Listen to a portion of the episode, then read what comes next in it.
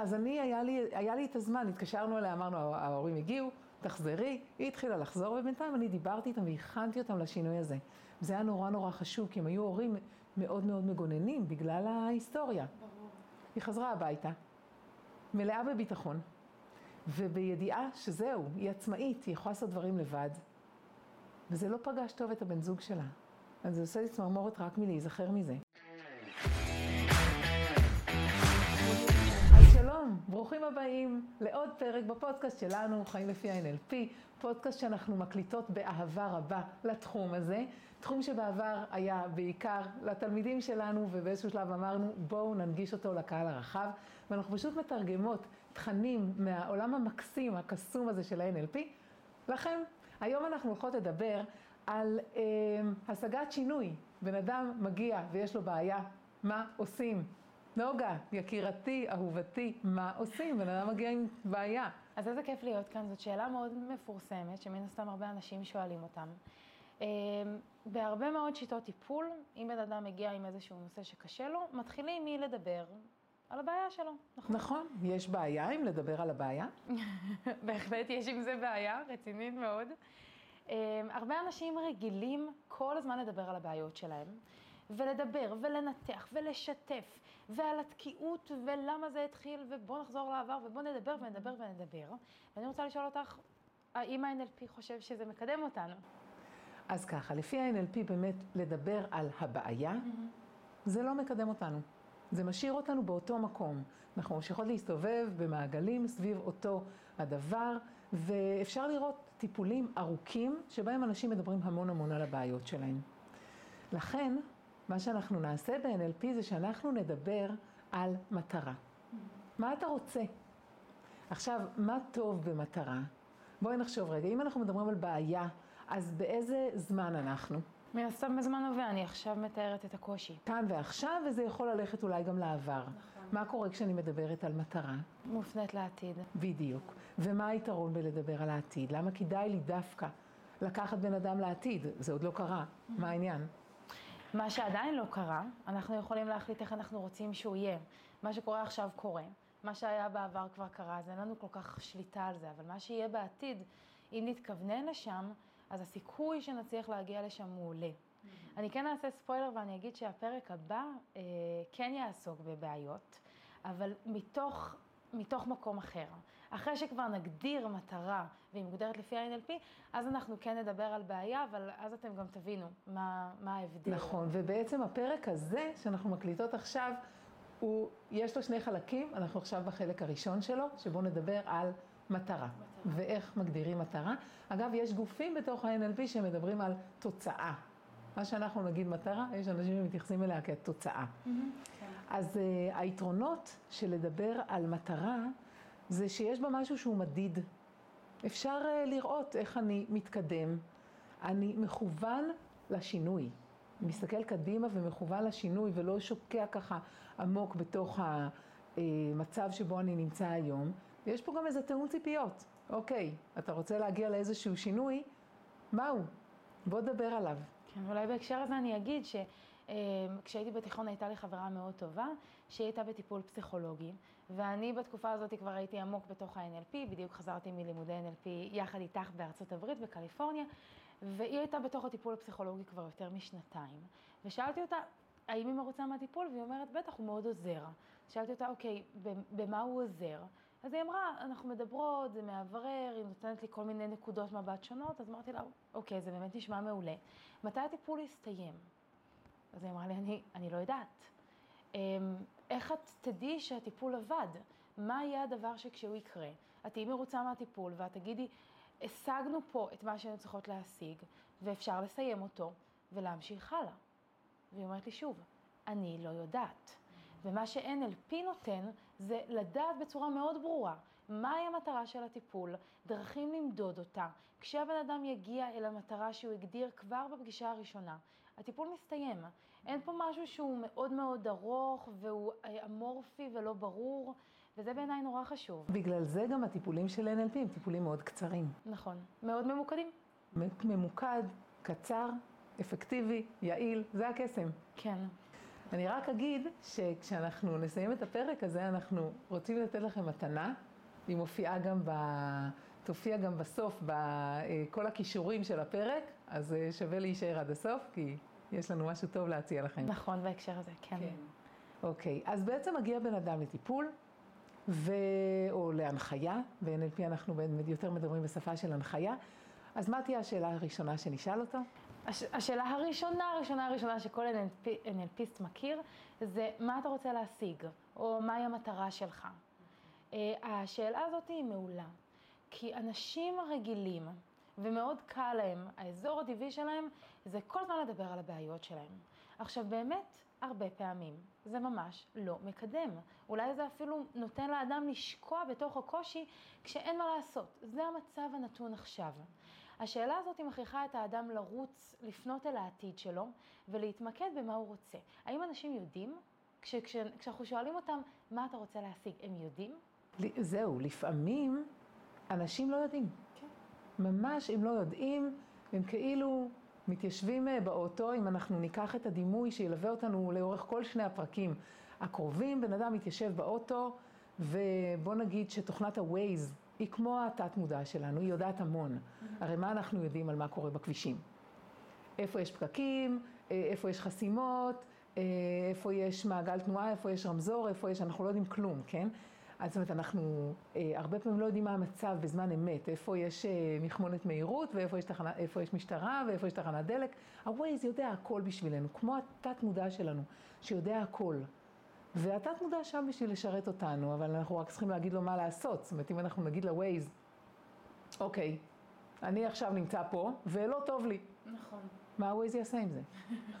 ה-Waze צריך לדעת מה המטרה, מה היעד, לאן אנחנו רוצים להגיע. אז, בוא, אז, אז בואי נמשיך את הקו הזה ונגיד, אוקיי, אז בן אדם אומר, היום יש לי חרדות. מה, אני לא רוצה שיהיו לי חרדות. זה מה שאני רוצה, שלא יהיו לי חרדות. באמת, באופן טבעי, מה שקורה זה שבן אדם לוקח את הבעיות שיש לו, ואומר, לא, לא זה. לא את הבעיות. והוא רוצה לדבר על הבעיות שלו. ו- והאתגר הראשון זה בעצם להביא בן אדם ללדבר קדימה. ולדבר חיובי. כי הרי ברגע שאתה צריך להגדיר מטרה, אתה צריך להגיד מה אתה כן רוצה, ולא מה אתה לא רוצה. ואנשים רגילים להגיד, זה לא טוב לי, כאן לא טוב לי. למה זה כל כך חשוב שבן אדם יגיד מה הוא כן רוצה ולא את מה שהוא לא רוצה? אם אנחנו ממשיכים עם ה-Waze, אם לא נגיד לו לאן לנסוע, הוא לא ייסע. אוקיי. אבל בהקשר הזה נוסיף שהתת מודע שלנו הוא לא מבין שלילה. אם אני אגיד לכם עכשיו לא לחשוב על uh, תופעת טבע מיוחדת שבה יש זברה ירוקה. ולא לחשוב על איזה פסים של הירוקים, הפסים שאמורים להיות לבנים, או הפסים שאמורים להיות שחורים, מה יהיה ירוק. אבל לא תחשבו על זה. רוב הסיכוי, את צוחקת, כי גם את לרגע חשבת על זה. מה, איזה פסים יהיו ירוקים, נכון? הלבנים או השחורים. כשאנחנו אומרים מה אנחנו לא רוצים, התת מודע שלנו לא מבין את זה, והוא פשוט משמיט את המילה הזאת. כשאני עובדת עם ילדים, ואם יש פה אנשים שעובדים עם ילדים, אז משהו נורא נחמד לעשות זה, כשילד אומר, אה, אה, אני לא רוצה להתבייש, אני לא רוצה לצעוק, אני לא רוצה להרביץ, אה, אני לא רוצה להיעלב, אני לא רוצה להילחץ, אני לא, לא, לא, לא, לא. להגיד לו, בוא תיקח דף ובוא תכתוב את זה, אם הוא כבר בגיל שהוא יכול לכתוב. ועכשיו רק תמחוק את המילה לא, כי זאת מילה שיש לנו חלק במוח שלא מבין אותה. ותקריא לי מה עכשיו המוח שלך שומע. וילדים נורא צוחקים מזה, כי, כי מה שהם קוראים עכשיו, המוח שלהם שומע, אני רוצה לצעוק, אני רוצה לריב, אני רוצה להיות ביישן, אני רוצה, אני רוצה, אני רוצה, והם אומרים, לא, אבל זה לא מה שאני רוצה, אבל זה מה שהמוח מבין. אז uh, צריך... אז באמת uh, צריך להבין איך התת מודע שלנו קולט דברים. כן. התת מודע שלנו uh, הוא לא uh, לוגי. המודע שלנו לוגי. המודע שלנו יודע, אחד ועוד אחד שווה שתיים, אחד פחות אחד שווה אפס. זה המודע שלנו, הוא מאוד לוגי, וכשאנחנו אומרים לא, אנחנו בעצם עושים כאילו פעולת חיסור. אין את זה לתת מודע. למה? איך מגיעים בעצם, איך מגיע מידע לתת מודע שלנו? איך אנחנו קולטים מידע? דרך החושים. מה שאני רואה, האם יש דבר כזה לא תמונה? ההפך מתמונה? דרך שמיעה, צלילים, קולות, האם יש דבר כזה לא פסנתר? לא כינור, ההפך מאקורדיון.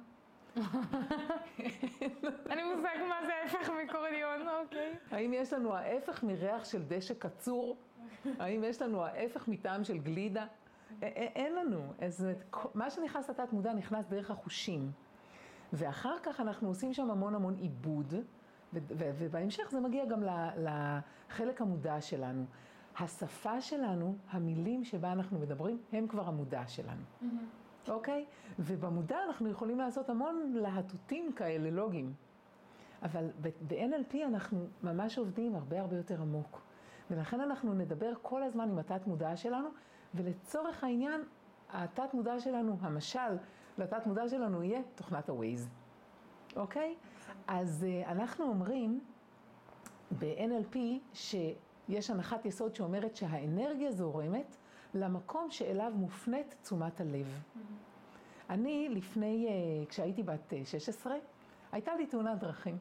תאונה, ב, תאונה עם כלי, עם כלי uh, חקלאי בקיבוץ, דרס אותי איזשהו כלי חקלאי כבד מאוד, דרס לי את המרפק.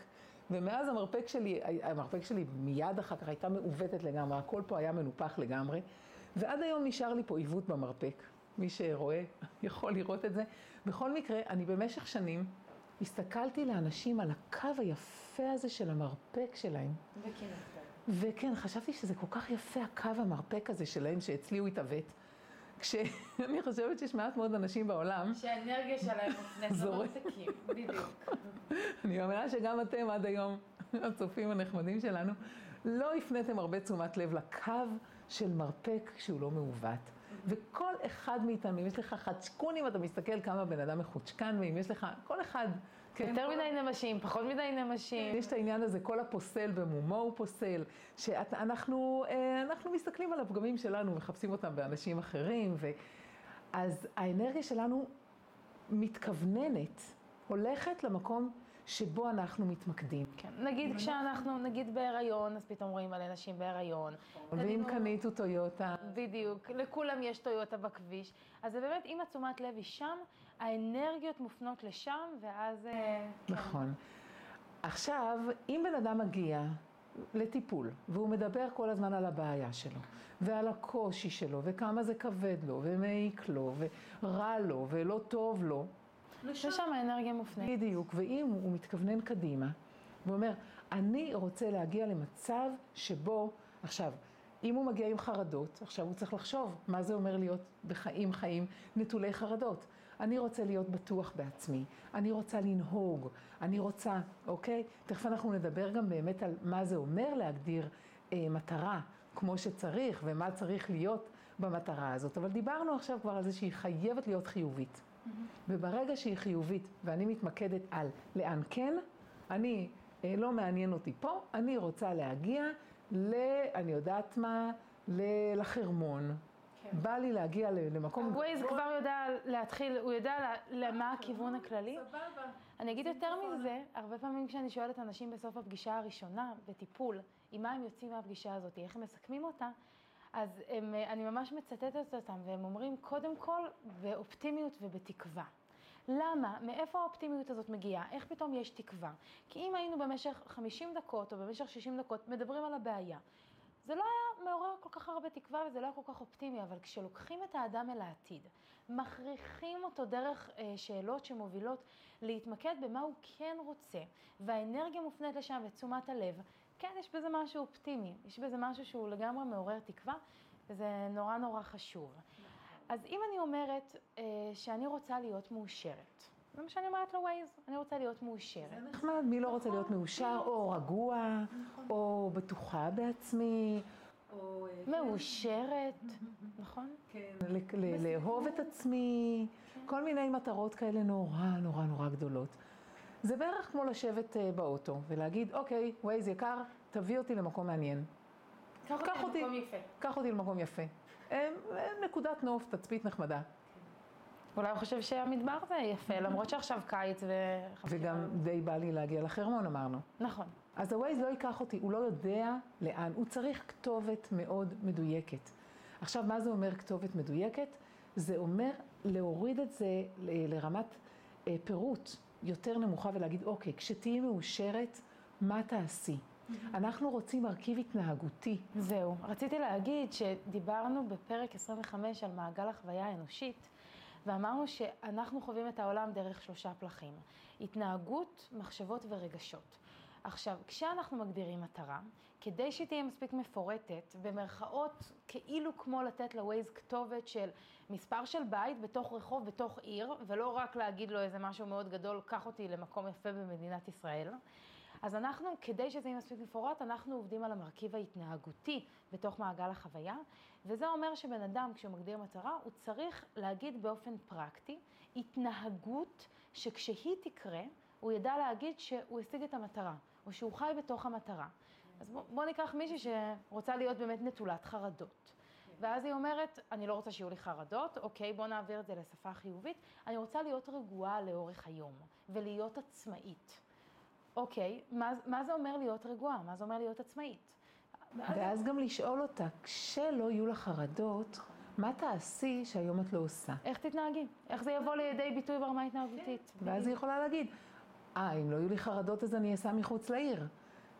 אה, אוקיי, הנה, זה כבר התנהגותי, לנהוג מחוץ לעיר. בדיוק. כן, הנשימה שלי תהיה אה, איטית ואני ארגיש שקל לי לנשום לאורך כל היום. כי אנשים שסובלים מחרדות הרבה פעמים... אני ישן לילה שלם. לפני שאני אלך לישון, המחשבות שיהיו לי, אה, זה מחשבות על אה, מה אני הולכת לעשות מחר, ו- ואני אהיה עם זה בחיוך. כן, אני אחשוב מה הולך, איזה דברים טובים הולכים לקרות לי במהלך היום. כי הרי מה מאוד מזין חרדה? כל מיני תרחישים קטסטרופליים כאלה. אבל אנחנו לא רוצים, אם אישה באה ואומרת, אני לא רוצה את התרחישים הקטסטרופליים, מה כן? מה כן? אוקיי, מה כן? לחשוב שהולכים לקרות לי דברים טובים היום. נכון.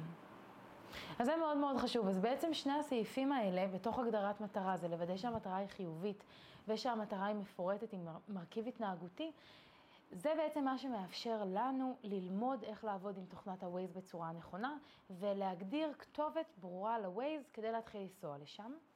האם אני יכולה להגדיר מטרה, בוא נגיד אני סובלת עכשיו מאיזושהי מחלה ויש לי כאבים, ואני מגדירה את המטרה בנוסח הבא, אני עכשיו בריאה. או אני עכשיו רגועה, אני עכשיו נוסעת מחוץ לעיר. האם אפשר לדבר בלשון הווה על המטרה? כדי לקדם את עצמי לשינוי שאני רוצה. כן, לעשות איזה מין פייק יש כזה. תחום כזה שנקרא affirmations, שבעצם בא ואומר, תסתכלי במראה ותגידי, אני אוהבת את עצמי. אני בריאה. עכשיו, מה שקורה במצב הזה, לדעת, לפחות לפי הגישה של ה-NLP, אז ה-affirmations האלה הם, הם בעייתיים מאוד. כי התת מודע בודק ואומר, לא, את לא בריאה. יש לך עכשיו גידול באיזשהו מקום, יש לך עכשיו כאבים באיזשהו מקום, יש לך עכשיו דלקת באיזשהו מקום. התת מודע אומר, המשפט הזה הוא שקרי. אבל אם אני אגיד את המשפט, אני עומדת להבריא, התת מודע לא יכול להגיד שזה משפט שקרי, הוא גם לא יכול להגיד שזה משפט אמיתי. כן. מה שהוא יכול להגיד זה, וואלה, אני מקווה שכן. אולי כן. אה, לשם את רוצה להגיע. אני אכוון אותך לשם. בדיוק. ועוד נושא שמאוד מאוד חשוב לנו לשאול לגבי מטרה, זה האם זה בשליטתך? מגיעה אישה ואומרת, אני מחפשת זוגיות. האם זה בשליטתך? כן. כי אני מחפשת, אני יוצאת לדייטים, אני נמצאת באפליקציות הנכונות, לא מוצאת זוגיות כבר הרבה זמן, ואני נורא מתוסכלת מזה, ואני, השעון מתקתק, ואני אה, כבר בת 34, ו, וגם אימא לוחצת כבר, רוצה חתונה ונכדים, ו, ומה יהיה? אני מקווה שאין פה איזה מסר סמוי, כי אני עוד לא בת 34. לא, את בת 23, והכל טוב, ולאימא שלך כבר אימצתי נכדים, אני רגועה. אז מה את אומרת? זה בשליטה. זה, אז קודם כל, אני רק אגיד שעיקרון נורא נורא חשוב ב-NLP, זה שהמטרה חייבת להיות בשליטתך. מי שמגיע אלינו להנחיה ב-NLP, לטיפול ב-NLP, וגם אתם, אתם בבית, אתם רוצים עכשיו להתחיל לטפל בעצמכם בכלים האלה, אז אה, מה, האם אז... מה שאתם רוצים הוא בשליטתכם? זהו, אז אני רק אגיד למה זה בכלל חשוב, כי אנחנו לא יכולים לעבוד עם אנשים שלא נמצאים כאן, או שלא רוצים את השינוי. לדוגמה, אם מישהי באה ואומרת, אני רוצה לעבוד על התקשורת שלי עם בעלי. ואני רוצה שבעלי יהיה יותר נחמד ויותר סבלני אליי.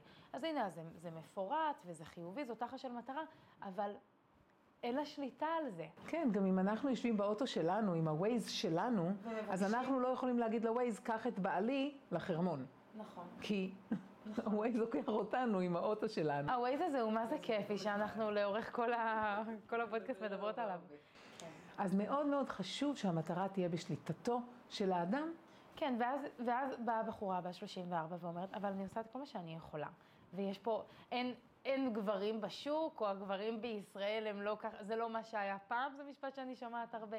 אז מה אז נעשה במצב כזה? אז אנחנו נשאל אותה, אם כך, מה כן בשליטתך? יפה, כן. ואם היא תגיד, אין שום דבר בשליטתי, וואלה, אני לא יכולה לעזור לך. אוקיי? אז אם אה, מגיעה אישה ואומרת, הבעל שלי נורא מעצבן אותי. פשוט מעצבן, הוא לא קשוב, הוא לא מתחשב, הוא לא בסדר, טה-טה-טה. אוקיי, הוא לא מסכים לבוא לטיפול, אנחנו עדיין יכולים לעשות אפילו טיפול זוגי, רק לה. זה אפשרי. ואז אנחנו נשאל, מה, מה כן בשליטתך? אז בשליטתי נגיד אה, להגיב אליו יותר ברוגע, בשליטתי לאהוב אותו, לקבל אותו, אה, בשליטתי, בואו נבדוק מה, כל, בן, כל, אה, כל מצב ומה ש, שהוא מזמין.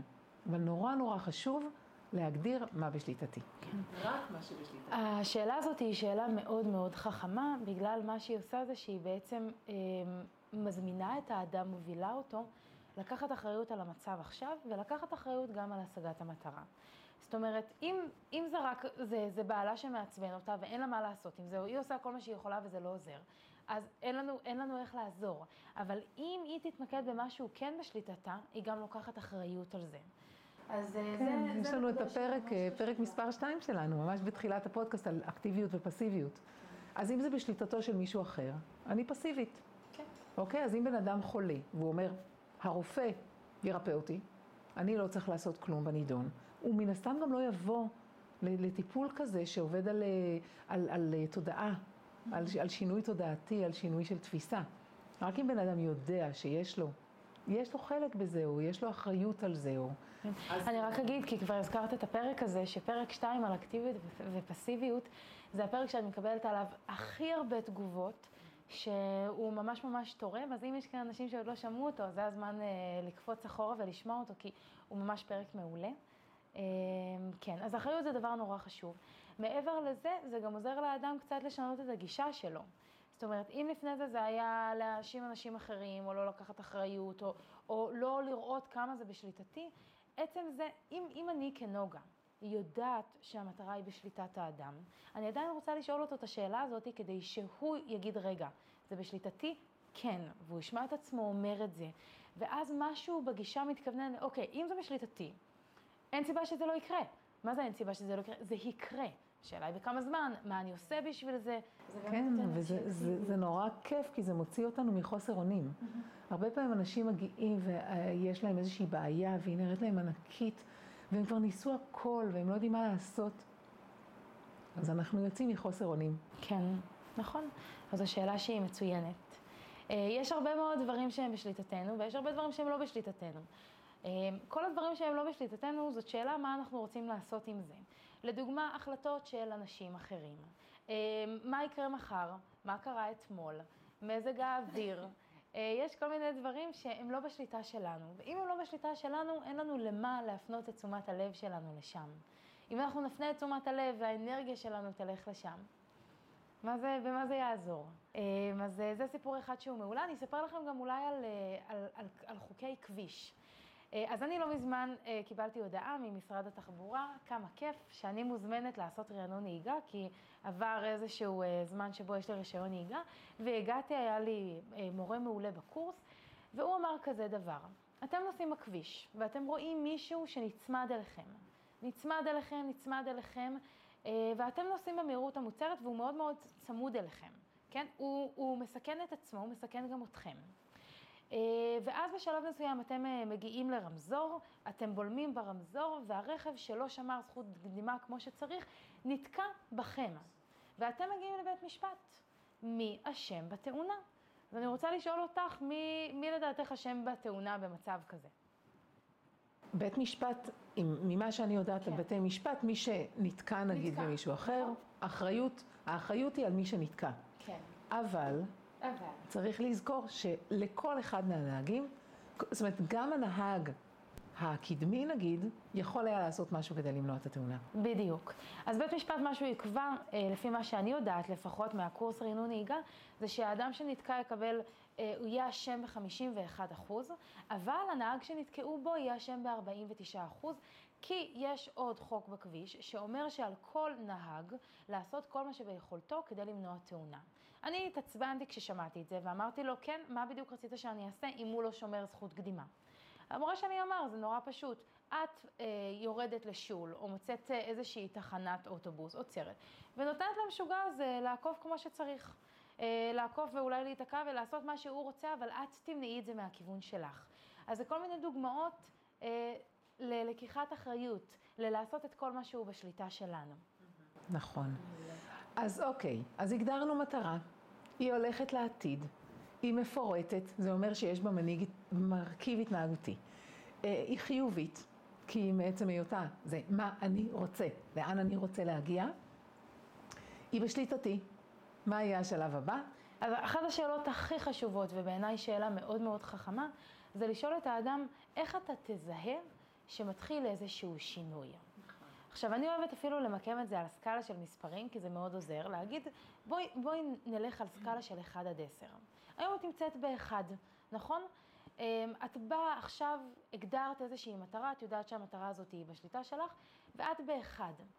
10 זה ציון שכשאת תגיעי אליו, את תגידי, תקשיבי, נוגה, אני נמצאת במטרה, אני מרגישה ככה, אלה המחשבות שיש לי, אלה הדברים שאני מצליחה לעשות, טוב לי, אני מרגישה שהטיפול ענה על כל הציפיות, זה יהיה עשר. היום את באחד. אני רוצה לשאול אותך איך את תזהי שמתחיל שינוי, את הצעדים הראשונים. עכשיו, בדרך כלל מה אנשים יעשו? יקפצו לי לאזור 8, 9, 10 ויגידו לי, מה זאת אומרת? אני אהיה רגועה, אני ארדם בלילה, הגוף שלי כבר יהיה בריא, כבר יגידו את המטרה עצמה. אני יודעת מהי המטרה עצמה, הרי הגדרנו את זה לפני כמה דקות בתחילת השאלה. מה שמעניין אותנו בשאלה הזאת, שהיא באמת חכמה, זה מה יקרה השבוע. מה יקרה בשבוע הבא? מה זה, מה זה שתיים? מה זה, בדיוק, מה זה שתיים ומה זה שלוש? את יודעת מה אני עושה עם, עם אה, מטופלים? אז אני אומרת להם, נניח, אנחנו עושים פה איזשהו קסם, ואת הולכת הביתה. איך את תדעי ש, שמה שאנחנו עושים הוא בכיוון הנכון? מה יהיה הדבר הראשון שתגידי, וואי, נראה לי הפגישה הזאת עם דפנה עשתה לי שינוי. אה, או שאני אומרת לי, עם ילדים אני אוהבת להגיד, נגיד שהלכת לישון בלילה, והגיעה פייה שפיזרה עליך אבקת קסם, וזהו. נגיד שהמטרה שלו זה לדבר בכיתה בביטחון. זהו. אתה כבר לא ביישן יותר, אבל אתה לא יודע שהפייה הזאת הייתה בלילה. אז אתה קם, אתה קם בבוקר, ואתה אוכל קורפלקס עם חלב, ואז אתה מארגן את התיק, ואז אתה הולך לבית ספר. עכשיו, מה יקרה? מה יהיה הדבר הראשון שיקרה ואתה תגיד, וואי, ביקרה אותי פייה בלילה. והרבה פעמים זה עוזר לאנשים. הדימוי. כן, כן, שאלת הקסם הזאת. מה יהיה הדבר הראשון? פתאום מתחשק לי לענות. פתאום המורה תשאל שאלה, מתחשק לי לענות, ואני אחשוב, אולי אני אצביע. זה יהיה הדבר הראשון. אחר כך אני אצביע, כן. אולי אני אחר כך גם אדבר. לאט לאט, וזאת שאלה כל כך כל כך... מאוד מאוד. עכשיו, השאלה הזאת יכולה לפנות לשישה דברים.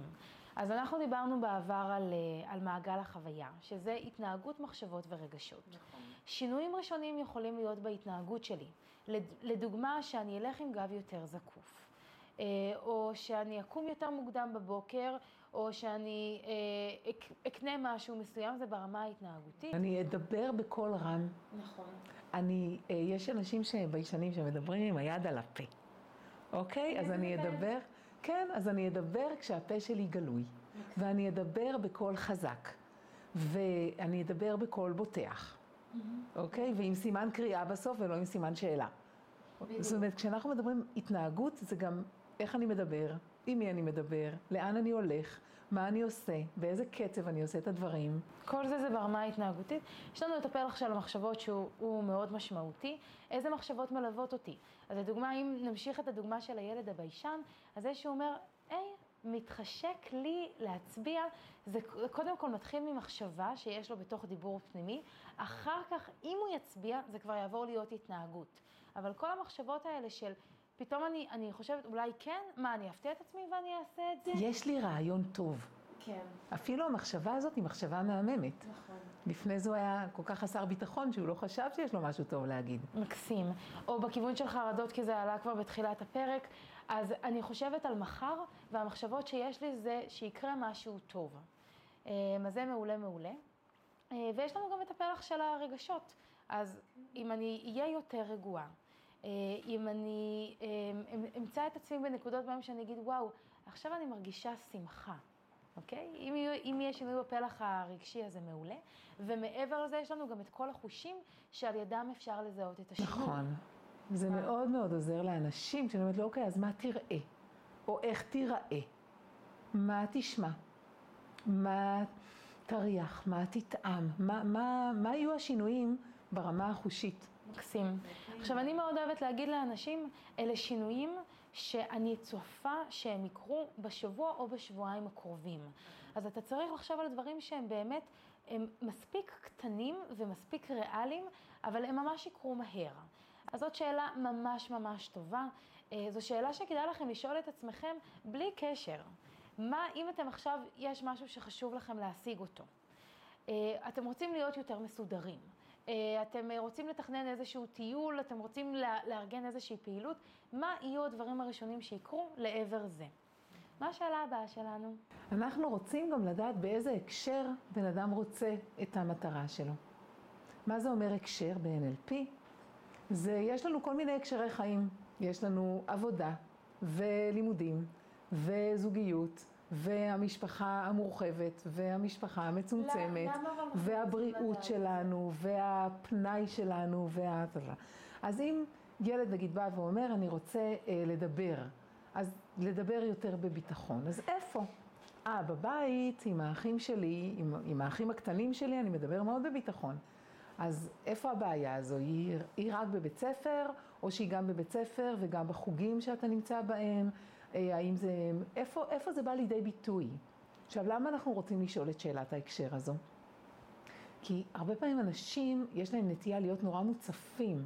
הבעיה שלי ענקית, והיא מציפה אותי, ואני לא יודע מאיפה להתחיל, ואני טובע בתוכה. אוקיי? ושאלת ההקשר, היא בעצם באה ומסדרת את זה. ואנחנו עוד נראה עוד, עוד אי אילו שאלות כאלה שיסדרו לנו את זה כמו שצריך, בעיקר בפרק הבא שנדבר עליו. אז גם פה בהקשר, אה, אני צריך את זה רק בבית ספר. זה גם מראה לי שיש הקשרי חיים, למשל בבית, שבהם אין לי את הבעיה הזו. ואם אין לי את הבעיה הזו בבית, סימן שיש לי את היכולת לדבר בביטחון, יש לי את היכולת uh, להשמיע את הדעה שלי, ולדעת שיש לי רעיונות טובים, ויש לי מה לתרום לדיון. בבית ספר זה עוד לא בא לידי ביטוי. כן. אני אגיד שיש אנשים שאומרים, אבל לי זה חשוב בכל ההקשרים. או שהם יכולים עכשיו למנות עשרה הקשרים שבהם המטרה, שחשוב להם שהמטרה תבוא לידי ביטוי, ואז גם כאן אנחנו עדיין יכולים לסדר את זה. ואני הרבה פעמים אומרת, בואי תדע, תדע, אה, תעשי סדר עדיפויות, ותגידי לי מהם השלושה הקשרים שבהם זה הכי חשוב לך. כי גם השאלה הזאת, מה שהיא עושה זה שהיא ממשיכה למקד אותנו.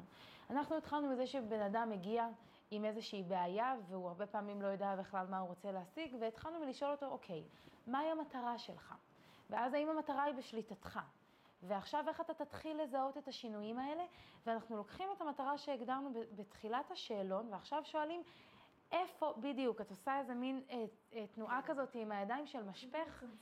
כן, כי כמה שהמטרה תהיה יותר ממוקדת, ככה השינוי הוא יהיה יותר מהיר והוא יהיה יותר יעיל. ממוקמת, ממוקדת, מדידה. אה, עם, ש, שככה מפורטת, בדיוק. כן, עם מרכיב התנהגותי, אז בן אדם כבר בעצם בפגישה הראשונה, כל מה שאנחנו מדברות עכשיו קורה בפגישה הראשונה, אבל גם כל אחד מכם יכול לעשות את זה עם עצמו. ברגע שאנחנו משנים ככה את כיוון החשיבה שלנו, מחשיבה על בעיות לחשיבה על מטרות, אז אנחנו כבר מסתכלים קדימה ומתחילים לכוון את ה-Waze שלנו, mm-hmm. אוקיי? איזה כיוון, איזה עיר, איזה רחוב, תכף נגיע לאיזה מספר, ואה, מדהים. נכון, נכון. השאלה האחרונה שנשאל בהקשר הזה, רגע לפני שאנחנו עוזבים את ההגדרת מטרה, ואז אנחנו נמשיך לדבר על השאלון בפרק הבא, זה שאלה שנקראת שאלה אקולוגית, בדיקה שהיא אקולוגית. מאיפה בכלל לקוחה המילה אקולוגיה? איך זה נכנס ל-NLP? אני מכירה את זה מעולם המחזור, כבת לאימא מאוד מאוד ירוקה. מאוד ירוקה. מאוד ירוקה. אז איך את עושה את הקשר? אז כמובן שלא אני. האנשים שפיתחו את ה-NLP טבעו את המושג הזה אקולוגיה. שינוי שהוא אקולוגי זה שינוי שאם אני אעשה שינוי, את השינוי שרצוי לי, אני לא אפגע בעצמי. Mm-hmm. למשל, מגיע, בין, מגיע אישה, מגיעה אישה והיא רוצה להפסיק לעשן. מעולה. העניין הוא שהיא הפסיקה לעשן כבר כמה פעמים בחיים שלה, אבל כל פעם כשהיא הפסיקה, הפסיקה לעשן, היא עלתה במשקל. אוקיי? זה אומר שמשהו שם היה לא אקולוגי. כן? כי יכול מאוד להיות שבגלל שהיא עלתה במשקל, היא חזרה לעשן כדי לרדת במשקל. למשל. יש אה, משהו, אה, מונח מוכר שנקרא נדידת הסימפטום. זאת אומרת, עכשיו אני מעשנת, הפסקתי לעשן, אז עכשיו אני אעלה במשקל. אמ, או אני אכסוס ציפורניים, או זאת אומרת, כאילו הבעיה קצת זזה, וכל פעם רואים את זה בסימפטום אחר, כי אין עבודה שהיא מספיק שורשית. נכון. כן. עכשיו, אנחנו בפרק הבא, אנחנו נדבר באמת על איך אנחנו עושים את העבודה שהיא תהיה עבודה שורשית. אבל בשלב הזה של הגדרת המטרה, מה שאנחנו רוצים לעשות זה לבקש מבן אדם לדמיין את עצמו בעתיד, אחרי שהשינוי הזה קרה. ובאמת היא הפסיקה לעשן, ו, ואז אנחנו נחזור שוב לעניינים, לעניין של הקשרי החיים, ונבדוק איך השגת המטרה הזו השפיעה על החיים שלך. קרה לי כמה פעמים כבר, בעיקר בקורס של הטריינר, אני מלמדת אנשים איך לקחת את התכנים של NLP ולעמוד איתם על הבמה. ולהנחות קבוצות ולעשות סדנאות ולקחת את זה בגדול. ולא אחת קרה שבבדיקה אקולוגית, על למה זה עדיין לא קרה, אז נשים, בעיקר עם נשים זה קרה לי, שהם אמרו, רגע, כי ברגע שזה יקרה, אני אהיה פחות בבית. אני אהיה אישה פחות טובה, אני אהיה פחות, אני אקדיש פחות תשומת לב לילדים שלי. אם אני ככה אהפוך להיות נורא קרייריסטית ואני מאוד אצליח פה, זה יבוא על חשבון המשפחה. עד שאנחנו לא נפתור את העניין הזה, היא לא תצליח באמת אה, להצליח בקריירה שלה עד הסוף. אוקיי, אז אנחנו רוצים באמת לבדוק מראש, עוד לפני שיצאנו לדרך, אם, אם המטרה שלנו היא אקולוגית עבורנו. כל אדם ב-NLP הוא מערכת אקולוגית שלמה. זאת אומרת שכמו שבמערכת אקולוגית אנחנו אומרים, תקרות אה, יער באמזונס, זה יגרום לסחף של אדמה, סך האדמה הזאת בגשם הבא כבר, כשלא יהיה את השורשים של העצים ששומרים שהאדמה תישאר שם, אז יהיה לנו בריחה של אדמה, זאת אומרת האדמה תתחיל להיעלם, להישפך לתוך הנהר, הנהר יהיה פתאום מלא באדמה, זה יפגע בדגה, הפגיעה בדגה תפגע ב... ויצרנו פה בעיה אקולוגית שלמה. למשל, אותו דבר גם עם בן אדם, אני יכולה לעשות שינוי שחשבתי שהוא מאוד מאוד יהיה לי טוב, ובעצם פגעתי בעצמי.